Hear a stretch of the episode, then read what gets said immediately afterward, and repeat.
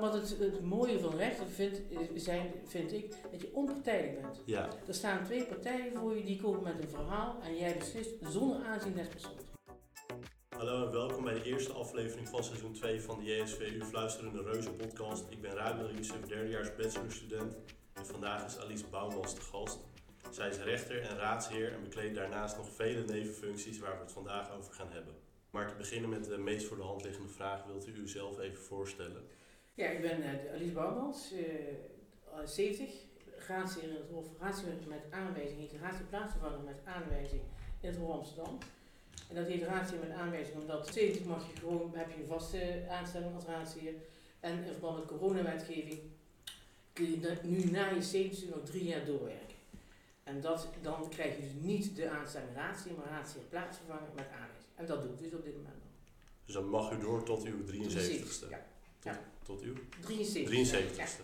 Ja. Dus u vindt het een hele leuke baan, denk ik dan. Ja, eh. ik, eh, ik doe het nu met 46 jaar en ik heb er nog geen moment spijt van gehad. Dus, Ja, oké, dat is mooi. Ja. Ja.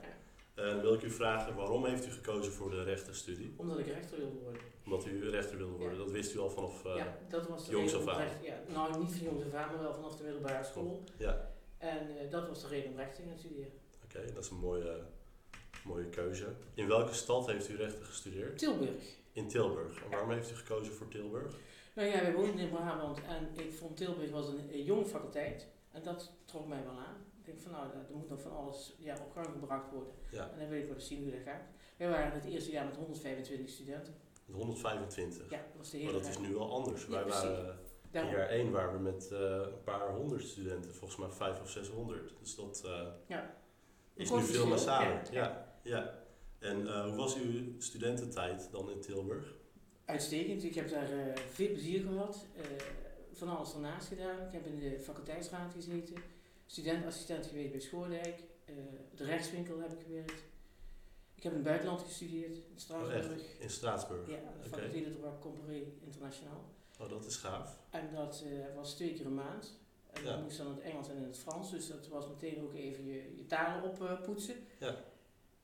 In het Frans ook. Dat, Ja. eh, dat lijkt me best Ja. wel, ja, dat was, best eh, wel ingewikkeld. ja, dat was uh, studeren geblazen. Ja. Het was Ja. dus niet alleen lol. Dat was niet alleen lol, maar wel... eh, Maar lol- zeker de moeite waard. Wel zeker de moeite waard, ja. Ehm, u bent begonnen als, ehm, bij de rechtbank Maastricht als rechterlijk ambtenaar in opleiding. Ja. Waarom heeft u dan gekozen voor Maastricht? Nou, dat was niet een kwestie van kiezen. Dat was eh, zeggen van je kunt naar Roermond of naar Maastricht. Want ik wilde eigenlijk helemaal niet naar het zuiden. Nee. Maar dat, nou, toen vond ik eh, Maastricht ook meer aanspreken dan Roermond. En dus ben ik in Maastricht terechtgekomen.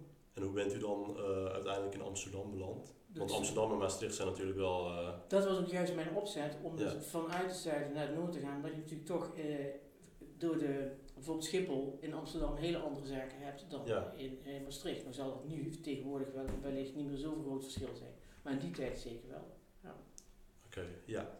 En als je naar Hof den Bosch gaat, dan krijg je de zaken weer uit Rijnmond Maastricht. Dus dan bleef ik een beetje in dezelfde pot ronddraaien. En dat, eh, Dus u, u was wilde niet wat anders? Ja. Ja, oké. Kan ik begrijpen. Nou moet je dus voordat je rechter bent eerst advocaat stagiair zijn. En nou ja, in die tijd, kijk, de radioopleiding bestaat niet meer. Dus de, ja, dus de rechtelijk ambtenaire opleiding kun je niet meer worden. Dus, en dat heette vroeger de radioopleiding. Die bestaat niet meer. En dat was eh, in mijn tijd, en dat is al heel lang geleden, was dat voort. Je studeerde af en vlak voordat je afstudeerde kon je dus solliciteren. Dan kreeg je psychologische test en gesprekken en ik weet niet wat allemaal. En dan kwam je erdoor of kwam je er niet door. Als je erdoor kwam, dan had je eerst vier maanden proeftijd. En dan werkte je op een kantongerecht. Dan ging je twee jaar naar de rechtbank. Twee jaar naar het Openbaar Ministerie. En twee jaar buiten de rechterlijke markt. Dus dat kon dan zijn advocatuur of in, eh, bij een gemeente of in een bedrijf. Maar dan moest je dus buiten de rechterlijke markt moest je dan... Maar dan begon u meteen als rechter in opleiding? Want volgens mij is het nu, werkt het nu dat je eerst eh, advocaat in opleiding bent, dan ben je advocaat stagiair. En daarna Nou, word je rechter. Maar nu, dat, eh, nu is het zo dat je een maatschappelijke ervaring moet hebben voordat Ja. je RIO kunt worden. En dat was dus vroeger niet het geval. Kon je Nee. rechtstreeks van de universiteit rechter worden. En dat dat afgeschaft is, daar snap ik wel iets in. Want ik bedoel, ik was 30 en dan zat je echtscheidingen van mensen die in de 50 en de 60 waren te, te regelen en te organiseren. Nou ja, ik kan me voorstellen dat je dan toch liever hebt dat er wat oudere eh, rechters zijn. Maar het heeft wel tot gevolg dat we nu een heel groot tekort hebben aan rechters. Nu ze die eh, opleiding hebben Want nu moet je gevraagd worden Wanneer? als rechter, toch? Nu? eh, Nee, je kunt solliciteren. Je kunt solliciteren, oké, ja, ja. Oké, u was maar, vanaf maar het grote nadeel daarvan, wat nu is, is dat Je moet dus je baan opgeven. Bijvoorbeeld, je bent advocaat. Ja. En je eh, opteert voor Rio, rechter een opleiding. Dan moet je je baan als advocaat opzeggen. Dan word je dus Rio. Maar dan kun je er op een gegeven moment eh, eruit gegooid worden omdat je niet voldoet. En dan sta je Oh, dus met, je met kinderen met, eh, en echtgenoot of echtgenoten en hypotheek en veel Ja. wat op straat. Ja, dat kan. Dus, Dus de animo bij veel mensen is gering. Of, of niet dus aanwezig. het is nu wat lastiger om door te stromen tot. Nou, ja, dat weet ik niet. Laat ik zo zeggen. Nee. Het risico is groter. het risico is groter, ja. Want je kunt en geen baan meer hebben als je stopt als advocaat en je, wordt, je gaat niet door Ja. als... Precies. Oké, ja. Ja. Kijk, en als je recht van de, van de universiteit komt, en, want dat was dan ook zo in de radioopleiding, elk jaar werd je beoordeeld. En dan kon je dus ook eh, ontslagen worden. Oh, dat was Goed. toen ook al? Ja, maar dan ben je een stuk jonger en dan kun je natuurlijk dat makkelijker opvangen dan wanneer je ja, al 10 of 15 jaar ergens gewerkt hebt en dan ineens op straat staat. En dan wordt het wel een ander verhaal. Vond u dat wel niet raar dat, dat het tussen eh, zo jong was? Dan waren er niet al mensen veel ouder? Of Oude college, ja, uiteraard. Ja. Ik was een van de jongsten, dat klopt wel, ja. ja. is dat dan niet raar met als heel jong meisje tussen allemaal van die oudere mensen Nee, zitten? Ik, had, ik ben ook rechter, dus. nee, daar heb ik geen nooit last van gehad. nee. Maar bent u nu dan ook een van de meest ervarende... Een van de rechters met de meeste ervaring in Nederland? Nou, dat vind ik nog wat om dat te zeggen. Maar, Maar, u bent al wel meer dan 40 jaar rechter. Ja, Dus klopt. dat, eh, ja. Maar ik, ik weet niet hoe lang andere eh, Nee. rechters zijn, weet ik niet. Ja. Maar ik denk inderdaad dat ik niet onderaan ben. Oké. U heeft een aantal verschillende functies bekleed, namelijk rechter, rechterplaatsvervanger, raadsheer, vicepresident van het gerechtshof in Amsterdam. En daarnaast heeft u veel verschillende commissies gedaan. Ja. Welke functie vond u het leukst? Ik denk mijn hoofdfunctie. Maar die andere functies die hadden ook in feite ja, toch dezelfde inhoud. Het beslissen van problemen. Dus ja, ik, ik kan moeilijk zeggen van dat het ene leuker was dan het andere. Het ene onderwerp sprak misschien meer aan dan het andere onderwerp. Zo heb ik met bestuursrecht niet zo gek veel. Maar nou, dus dat eh, Want u bent zelf strafrecht. civiel. Eh, Ik ben civiel- in hart en ziel nieren. Maar ik zit dus nu al een aantal jaren straf. Dus, eh, Ja, oké. Dus dat kan wel. Dat, eh, ja, vroeger was het zo dat je om de vier jaar moest wisselen. Dus Oh, dan ja. ging je van straf naar civiel, familie, straf, civiel, familie. Of eh, misschien familie niet, maar dat je straf en civiel.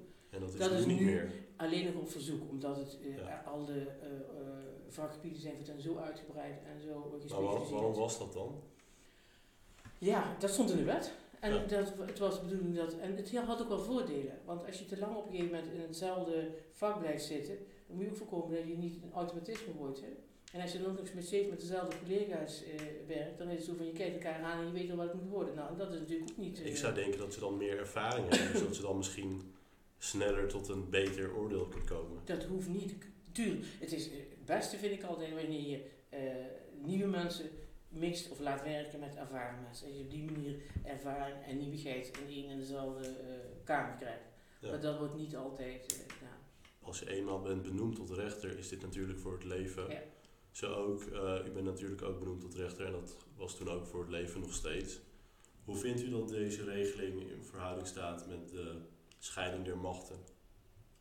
Eh, ik, ik denk dat het heel goed is dat dat op deze manier geregeld is. Als je, wat je bijvoorbeeld ziet in België, waar het niet is, waar je door de politiek benoemd wordt, dan zie je dat op een gegeven ogenblik, als de CDA-moord aan de macht is, dat daar heel veel uit die groep benoemd worden. En als er op een gegeven moment een andere kleur is, dan komt er een andere kleur. Dat is bij ons niet het geval. Je wordt nu benoemd. En als je niet al te bond maakt, blijf je tot je 70 zitten. Dus het is eigenlijk beter voor de scheiding der machten, Ja. omdat de politiek geen invloed Ja. kan uitoefenen op Ja. de rechtspraak. Ze kunnen dus ook niet op een gegeven moment zeggen van ja, maar als jij dit of dit eh, niet beslist of deze wet niet eh, steunt of weet ik veel wat, dan maak je geen promotie, noem maar iets. Ja. Kan een rechter ook van het tableau worden geschrapt, net zoals een advocaat? Hij kan op een gegeven moment ontslagen worden. Ja, En dan zijn een aantal, ja dat kan wel. Je natuurlijk crimineel gedrag zal niet eh, en dat wordt er afgenomen. Faillissement volgens mij is ook een reden om iemand eh, te ontslaan. Ja, en wanneer je natuurlijk misbruik maakt van je functie of niet Ja. voldoet. Maar je, dan kun je ontslagen worden, maar dat moet dan via de PG van bij de Hoge Raad. In ieder geval, het is niet een kwestie van dat de minister van Justitie zegt van nou, Nee. deugt niet, eh, gaan we schoffen. Dus de politiek die heeft daar helemaal geen eh, invloed in. Bij de benoeming, nou ja, kijk, we hebben nu voortaan de Raad voor de Rechtspraak. En die zijn natuurlijk wel met het ministerie van Justitie eh, eh, eh, voor de, van de centen, voor de centen afhankelijk. En die benoemen nu ook voortaan mensen. En dat betekent, of bemoeien zich ermee, laat ik zo zeggen. En dat betekent natuurlijk wel dat op die manier de politiek invloed zou kunnen hebben. Want op dit moment heb ik dat nog niet kunnen, kunnen vaststellen. Nee, oké. U bent natuurlijk al heel lang ehm, raadsheer in Amsterdam bij het gerechtshof. Zou u Mhm. ons mee kunnen nemen met een dag in het gerechtshof in Amsterdam? Ja, die dagen zijn verschillend. Kijk, de ene dag dan heb je zitting en dan begint om 9 uur de zitting en dan ben je de hele dag verder in de zittingszaal bezig. En een andere dag ben je de zaken aan het voorbereiden. En een andere dag zit je de concepten te bekijken die de griffier of gemaakt heeft of een collega gemaakt heeft. Dus ja, de dagen verschillen. Maar het komt er dus het feit op neer dat je altijd wel met zaken bezig bent. Je bent altijd wel met de zaak bezig. Je bent altijd wel met zaken En bezig. hoeveel maanden bent u dan met één zaak bezig? Of verschilt dat ook heel erg Daar hangt zaak? er vanaf. Je hebt megazaken waar je dus eh 10 of, of 15 zittingsdagen in hebt. En je hebt ook eh, zaken eh, die verstek, eh, bij verstek worden afgedaan. Dan ben je in 10 minuten bij wijze van spreken Ja. klaar. Maar dat zijn 15 zit, zitting, zittingsdagen, Ja. sorry. Ja? Dat zijn geen dagen achter elkaar, neem ik aan. Dat zijn, Dan is het meestal bijvoorbeeld een één week twee dagen en dan een paar dagen niet. Dan kan de griffier ook al met het...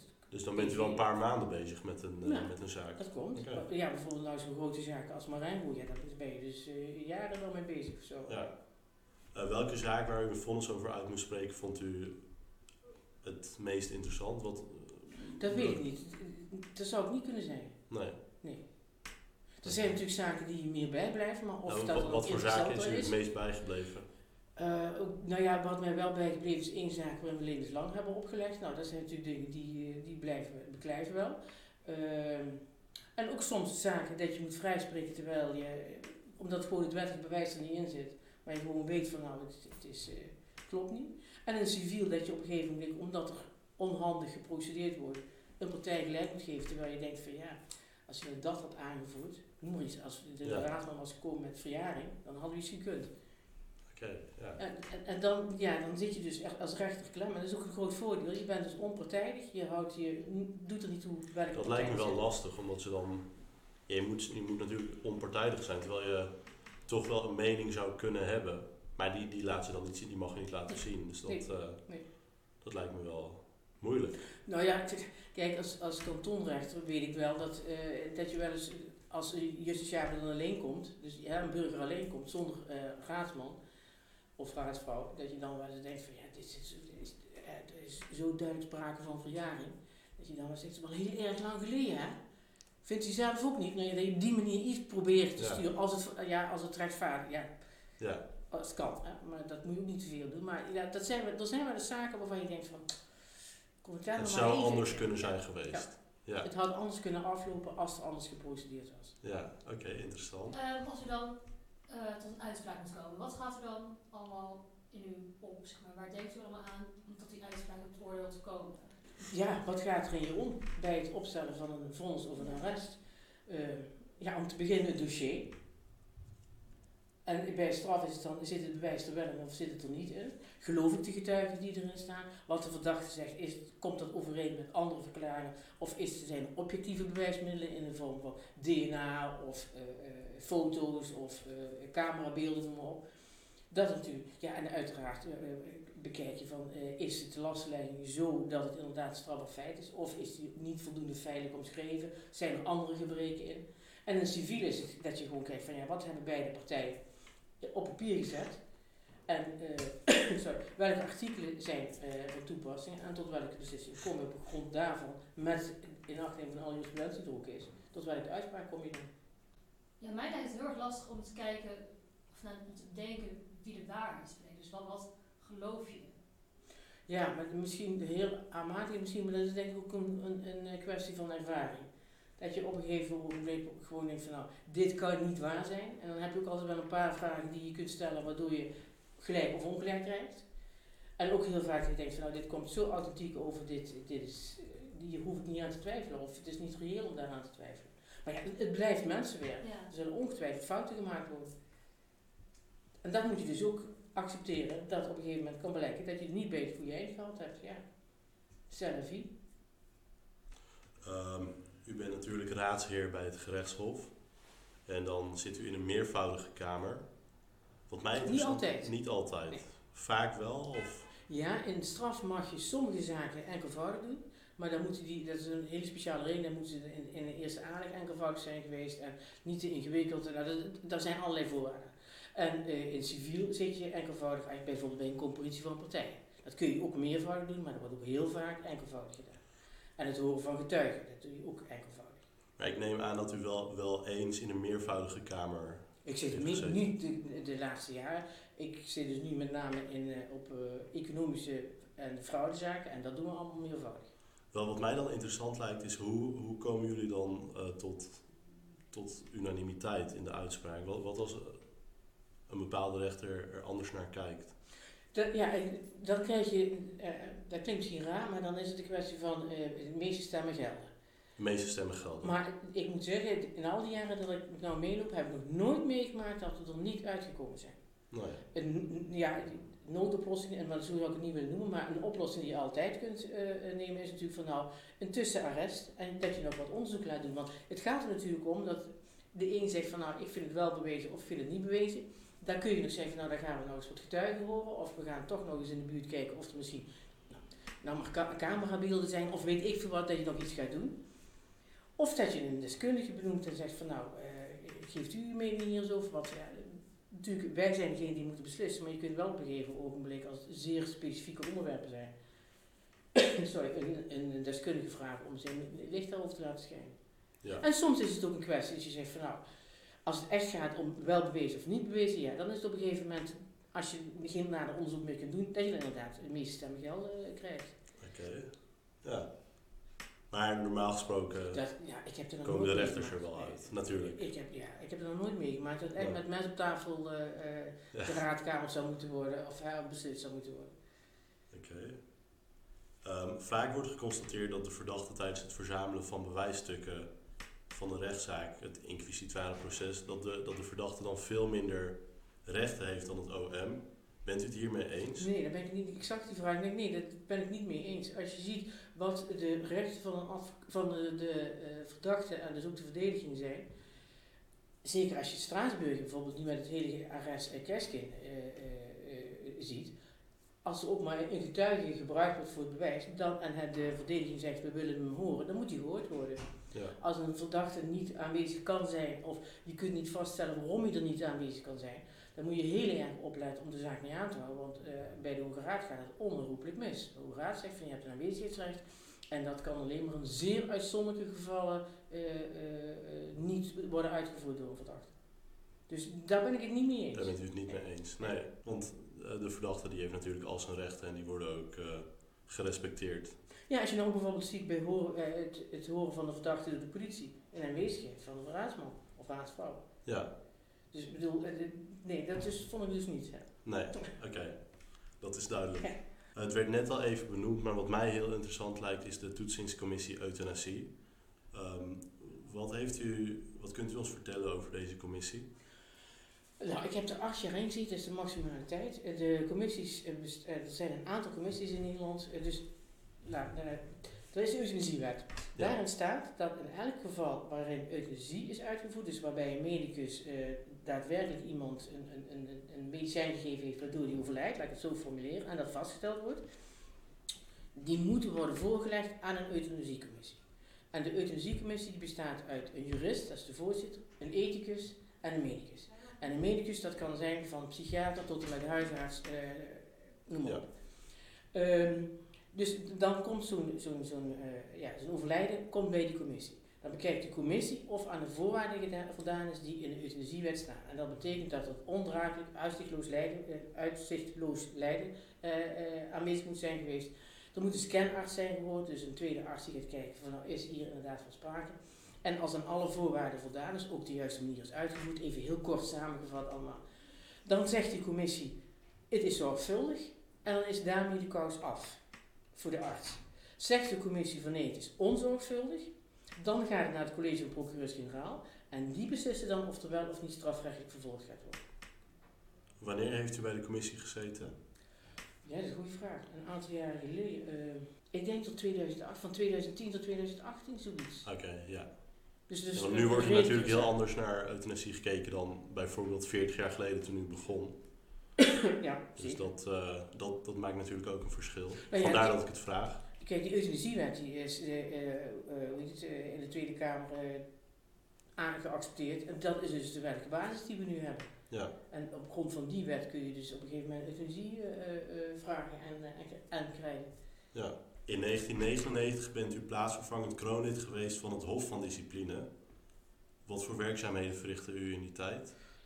Eh, in 1999 zat ik dus ook in het Hof in Amsterdam. En dat de kroonlid van, pra- plaatsvervangend kroonlid van het Hof van Discipline is een nevenfunctie. Eh, het Hof van Discipline die behandelt tuchtklachten tegen advocaten in hoger beroep. Die zijn dus eerst bij de Raad van Discipline geweest. Als dan de klager of de advocaat het niet eens met de beslissing, kan in hoger beroep. Dan komt hij bij het Hof van Discipline. En het Hof van Discipline zitten drie rechters. De voorzitter is een rechter, twee rechters ernaast en twee advocaten. En de rechters die daarin benoemd worden, dat zijn plaatsvervangende kroonleden. U kon dan ehm, bepalen of een rechter of een advocaat ehm, wel of niet Nou, stel voor dat, moest stel voor dat, of- de, dat de verdachte zegt, de, mijn advocaat heeft ten onrechte eh, mij eh, bepaalde stukken niet in het geding gebracht. En daar klaag ik over. En in eerste aanleg zegt de Raad van Discipline van nee, de advocaat heeft het keurig netjes gedaan, die stukken hoeven niet worden overgelegd, of die zijn wel overgelegd. In elk geval, klager krijgt ongelijk. Dan kan een klager zeggen, ik ben het niet met die uitspraak eens, ik wil dat nu, eh, ik ga in hoger beroep en dan kom ik beter op van discipline. Dus dan en ga je in kan- hoger beroep tegen je advocaat. Te- Tegen de beslissing van de Raad van Discipline, Oh ja, die ja. die gegeven heeft op de klacht die jij hebt ingediend tegen jouw advocaat. Oké. Een kan hele het- ingewikkelde procedure is dat denk ik, maar Sorry? het lijkt me een hele ingewikkelde procedure. Maar Hoe, waarom? Hoezo? dan ga je dus dan ga je in hoger beroep tegen een uitspraak over een klacht die Ja. jij hebt ingediend tegen je eigen advocaat. Ja, maar tegen die tijd is dat niet meer je eigen advocaat. Dan ben je Nee, nee, zeker niet. ja. Dan heb je een andere advocaat. Ja. En dan wordt dus die klacht opnieuw behandeld in hoger beroep. Oké. En daar mocht u dan En daar hebben we dus eh, vanaf eh 99 tot eh augustus aan meegedaan. Oké. Ah, dat is. eh, ik wist niet dat dit soort dingen allemaal bestonden, maar Oh, maar zo heb je ook tuchtrecht voor medici, ja. voor notarissen, voor deurwaarders, voor accountants. Ik heb hem allemaal aan die club bezig gehouden. Dus wat dat betreft eh, eh, is er best wel wat. Ja. eh, Maar het Hof van Discipline gaat ook over of advocaten geschorst ja. worden of niet. Of, Ja. Je een, een Hof van Discipline kan op een gegeven moment ook als maatregel uitspreken dat een advocaat geschorst wordt of van het tableau wordt verwijderd. Ja, oké. Oké, dat ken ik wel, dus dan kan ik Mhm. die link even voor mezelf Ja. maken. Oké, Ja. ja. Kijk, en als bijvoorbeeld de Raad van Discipline heeft gezegd, die advocaat die moet geschrapt worden ja, van het tableau of geschorst, dan heeft hij er alle belang bij om een hoger beroep te gaan, om te kijken Ja. of dat misschien teruggedraaid kan worden of eh, wellicht een leegstremaatregel wordt opgelegd of wat dan ook. Ook bent u voormalig voorzitter van het Centraal Tuchtcollege voor de Gezondheidszorg. Voor de luisteraars die niet bekend zijn met deze juridische term. Dit heeft betrekking op artsen die niet volgens de geldende professionele standaard hebben gewerkt. Heeft u in uw tijd bij, ehm, bij, de tucht, bij het Tuchtcollege veel schrijnende zaken voorbij zien komen? eh is scheidende zaken, maar ook vaak zaken waar het een, een puur een kwestie van communicatie was. Dat er onvoldoende gecommuniceerd is, onvoldoende tijd voor elkaar genomen is en dat er dan klachten eh, ontstaan. Maar eh, u zegt alleen voor artsen, maar het is ook voor verpleegkundigen. Iedereen die Oh, BIG voor de medische wereld is dat. Voor, Ja, voor de mensen met een BIG BIG-registratie. Ja. Ja. is het tuchtrecht. Is het Centraal Tuchtcollege de appelinstantie voor het tuchtrecht. Dus van tandartsen tot huisartsen. Apothekers, verpleegkundigen, Apotheek. fysiotherapeuten, verloskundigen, nou noem het, noem het maar allemaal op. Ja. Oké, u heeft eh, aardig wat gedaan volgens mij. U heeft in veel, veel commissies gezeten. Veel, eh, Ja, vind- ja, dat, dat Ja. maakt het interessant. volgens mij kent u de hele juridische wereld. Nou, Dus dit is- dat, eh, Dat zijn jouw woorden. ja, het zijn mijn woorden, ja. ja. Heeft u het nooit te druk gehad? Ja, het is een kwestie van plannen. Je doet het jezelf aan, hè. Dus, Volgens mij haalt u wel echt plezier uit uw vak. Dus Ja. dat, dat is heel mooi om te Ja. zien. Want wij, eh, ik ambieer ook een, eh, een baan als advocaat of rechter. Dus dat is heel mooi om te zien dat ik dan... eh, nou, wat het, het mooie van rechten vindt, eh, zijn, vind ik, dat je onpartijdig bent. ja, Er staan twee partijen voor je, die komen met een verhaal en jij beslist zonder aanzien des persoons. nee. En als advocaat of als OM'er heb ik het gevoel, en dat is dan onrecht, maar dat je je voor een karretje moet laten spannen voor een ander. Als advocaat moet je partijdig zijn. Nou, daar houdt het mij al op. Is het nooit moeilijk geweest voor u om onpartijdig te blijven? Ik hoop van niet, maar het blijft natuurlijk mensenwerk. En ik Ja, denk dat je daar eh, heel reëel in moet zijn, maar, eh, maar het ook moet onderkennen. En ik denk als je dat doet, dat je dan heel aan bent. Als je in de gaten hebt van nou, eh, deze man of vrouw die, ja, eh, die is misschien verder van mijn eh, bloedgroep af dan. Ja. Maar dat is ook weer het voordeel dat je met z'n drieën zit en dat je elkaar op die manier en met de griffier erbij eh, elkaar kunt eh, corrigeren of Maar bijstaan. u kan het wel scheiden. U zit daar niet als Alice Bouwmans, maar u zit daar als raadsheer. Ja, het is ook niet voor niks dat ik een toga aan heb. hè. Ja. ja. Dus eigenlijk zodra je die toga aandoet, dan word je zeg maar de raadsheer en dan bent je niet meer... Ja, dan, dan, dan, nou ja, dat, dat weet ik, maar dan heb je wel van, eh, ik zit hier nou niet eh, eh, als privépersoon en dat doet er niet toe wat ik er zelf van vind, maar het gaat erom van, wat behoor ik ervan te vinden als eh, lid van de Rijksmacht. Vind ik me wel heel zwaar, maar daar komt het eigenlijk wel op neer. Maar u zei ook, de griffier heeft dan, zit er ook bij. Ja. Hoeveel heeft die dan te zeggen? Kijk, of als we meer, meervoud zitten met drie raadsheren en een griffier, en de griffier in adviserende eh staat. Dat is ook altijd de eerste die zegt wat hij of zij van de zaak vindt. En ik weet niet dat ik dat radio doodeng vond. Er zijn allemaal mensen die ervaring hadden. En dan moest jij als eerste eh, laten weten wat je ervan vond. En dat vind ik dus niet met de griffiers ook, dat je eh, eh, ook moet laten weten van nou, je, eh, je kunt de raadkamer zeggen wat je wilt. Daar wordt niet om gelachen, het is niet dom, het is dom als je niks zegt of, of de vragen niet stelt die je hebt.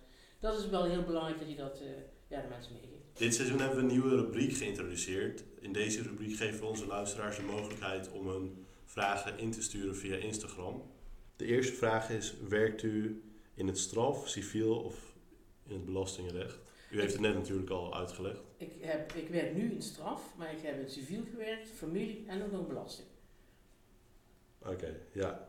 Dat zijn eh, Maar mijn, mijn hoofdstiel is, eh, is civiel. Dat is, eh, is civiel. Ja. Nou, het zijn vier hele verschillende Ja. rechtsgebieden natuurlijk. Is dat niet lastig geweest om switchen? Nou, je- eh, zeker als je het aantal jaren in het ene vak gezeten hebt, of hè, de ene richting, en je gaat dan weer naar een andere richting en je hebt het niet bijgehouden, dan, Ja. dan heb je wel even wat bij te sloffen. En- Ja. Maar wat het grote voordeel van, ervan is en was, vind ik nog steeds, als je civiel zit, heb je hele andere zaken dan wanneer je in straf zit. Hele andere advocaat, is een volledig andere baan. En dat vond ik, eh, sprak mij erg Dus dat aan. maakt het ook wel leuk. Ja, dat maakt het zeer interessant en Ja. De moeite waard om te doen. Ja. En hoe houdt u het bij?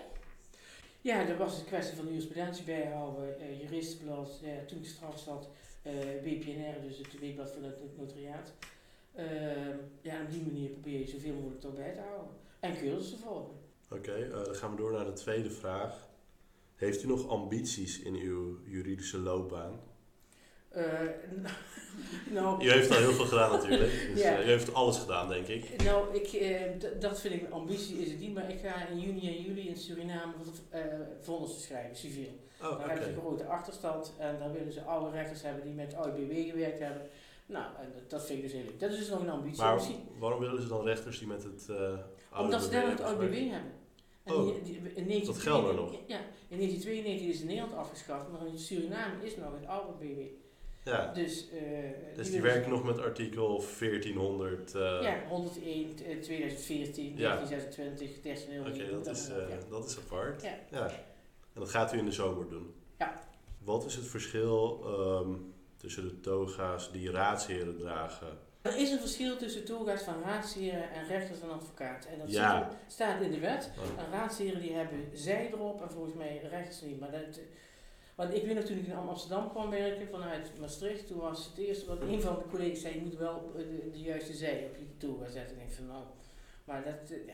maar hoe- precies weet ik niet. Het staat in de wet eh. Of Maar de toga's verschillen wel. Ja. Dus. Ja. Oké. Nou. Ik vraag me af of ik ooit een toga aan mag. Ik hoop het wel. Maar Waarom zou dat niet mogen? nou, dan moet ik eerst advocaat worden.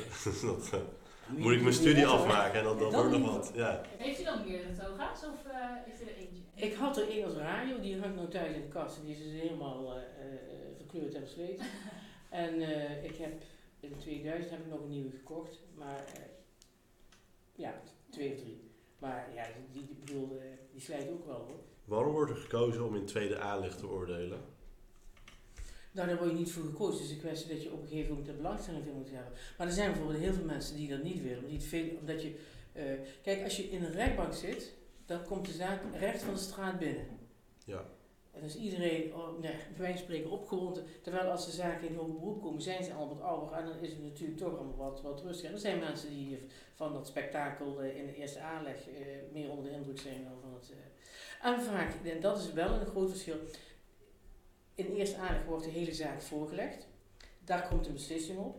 Dan wordt er appel ingesteld. En dan kan het bijvoorbeeld zijn dat er maar een heel klein stukje overblijft van de zaak. Waar dan heel diep op ingegaan wordt. En de ene eh, jurist vindt het leuk. En de ander zegt nee, ik vind het toch leuker om het eh, bre- breder te zien. Want bij de Hoge Raad wordt er alleen naar de... Wordt alleen juridisch getest, ja. getoetst. En niet, eh, er wordt Niet niet, naar feiten. Nee, gekeken. nee. Nee. Maar dat is dus in, in, in hoger beroep wel. Ja. En dan kun je dus op een gegeven moment hebben dat de feiten dieper uitgezocht moeten worden. of dat een juridisch probleem aangekaart wordt. Stel voor eh, dat er een zaak is eh, waar de arbowet in geldt, met veiligheidsvoorschriften en zo. En de Rijksbank heeft gezegd van nee, wij vinden dat hier niet van toepassing. Dan kan het OM op een gegeven moment zeggen, nou ik vind dat wel van toepassing is, want, en die komt dan, wij spreken met memories, dan op dat moment met een memorie van toelichting en weet ik van wat eh, eh, aan op de proppen. Omdat in eerste aanleg het niet goed afgelopen is voor het OM. Ja.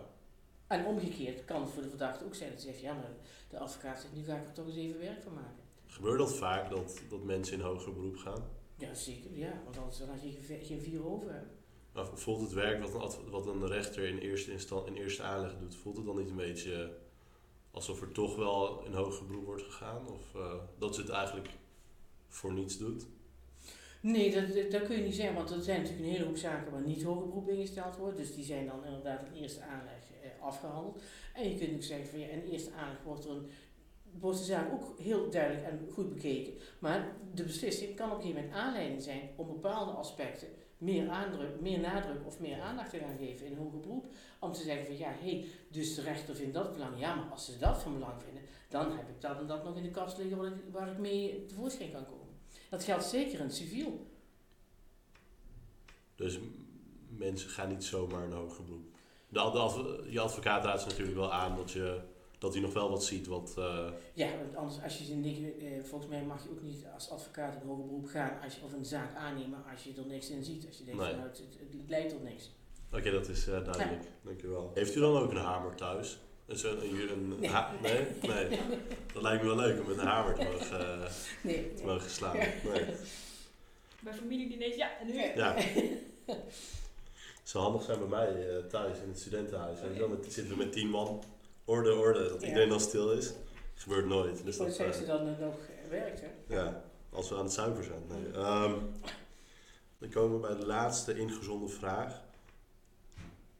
Waarom heeft u besloten om raadsheer te worden? Nou ja, eigenlijk omdat ik ook, ja, het klinkt heel raar. En, eh, ik had wel een beetje de zaken gezien in Maastricht. Ja, En ik had op dat moment eh, er geen andere dingen naast. Hè, dus eh nevenfunctie, althans niet, niet, niet heel erg. En ik dacht, ja, het wordt tijd om weer iets anders. en toen ging u vanuit Maastricht meteen naar Amsterdam. Ja. Oké. Heeft u wel eens eh, juridisch advies gegeven aan bekenden? Of ik denk namelijk wel. En in hoeverre? Nou, daar moet je heel voorzichtig mee zijn. Want als jij advies geeft en het loopt verkeerd af, dan eh, ben jij degene die, die de pineut is en eh, die nog bij wijze van spreken nog aansprakelijk gesteld wordt. Dus daar, Ja. daar hou ik me ver van. Want ik zou wel snel denken, oh, ehm, u bent raadsheer, nou dan kan ik even snel een vraag stellen. Formeel mag het ook niet eens. Hè? Maar goed, dus, Nee. ik bedoel, eh, het is natuurlijk on- onzinnig om te denken als mijn kinderen op een gegeven moment een juridische vraag hebben, dat ik dan zeg van nou, ga maar naar een advocaat. Maar ik bedoel, eh, hè, dan zal ik best wel zeggen van nou, misschien zou je zus of dat moeten doen. Of eh zou je ze helpen met een brief. Maar eh, dan houdt het op. Ehm, verder hebben we elke podcast ook een terugkomende vraag die we aan elke gast stellen. Eh, de vraag luidt: welk advies had u uw jongeren zelf gegeven? Eh, welk advies ik me- mezelf als jongere had gegeven? Ja, als u nu eh, een 18-jarige Alice Bouwmans een, een tip mocht geven, wat zou u dan eh, tegen haar zeggen? Geniet van je studie. Haal daar, en dat ik serieus, haal daar alles uit wat uit te halen valt. En beperk je niet tot de studie alleen. Dat, eh, wat, wat ik nu dus heel erg bij heel veel mensen zie. En daar ook begrijp, begrijp gelet op alle financiële eh, toestanden. Maar door de ervaring die je opdoet in je studententijd, eh, ja, daar heb je naar hand ook heel veel plezier van. Ja, dat Want- zijn, dat zijn hele mooie woorden. Ja, die kunnen, die, dat advies kunnen wij zelf ook wel gebruiken, denk ik. Ik in ieder geval wel. Nou, dat brengt ons bij het einde van dit eh, gesprek. Mevrouw Bouwmans, ik wil u heel erg bedanken voor dit eh, interessante gesprek en voor uw tijd natuurlijk. Dank u wel. Graag gedaan. En dit was alweer de eerste aflevering van de Fluisterende Reuzen podcast van de JSVU. Graag tot de volgende keer.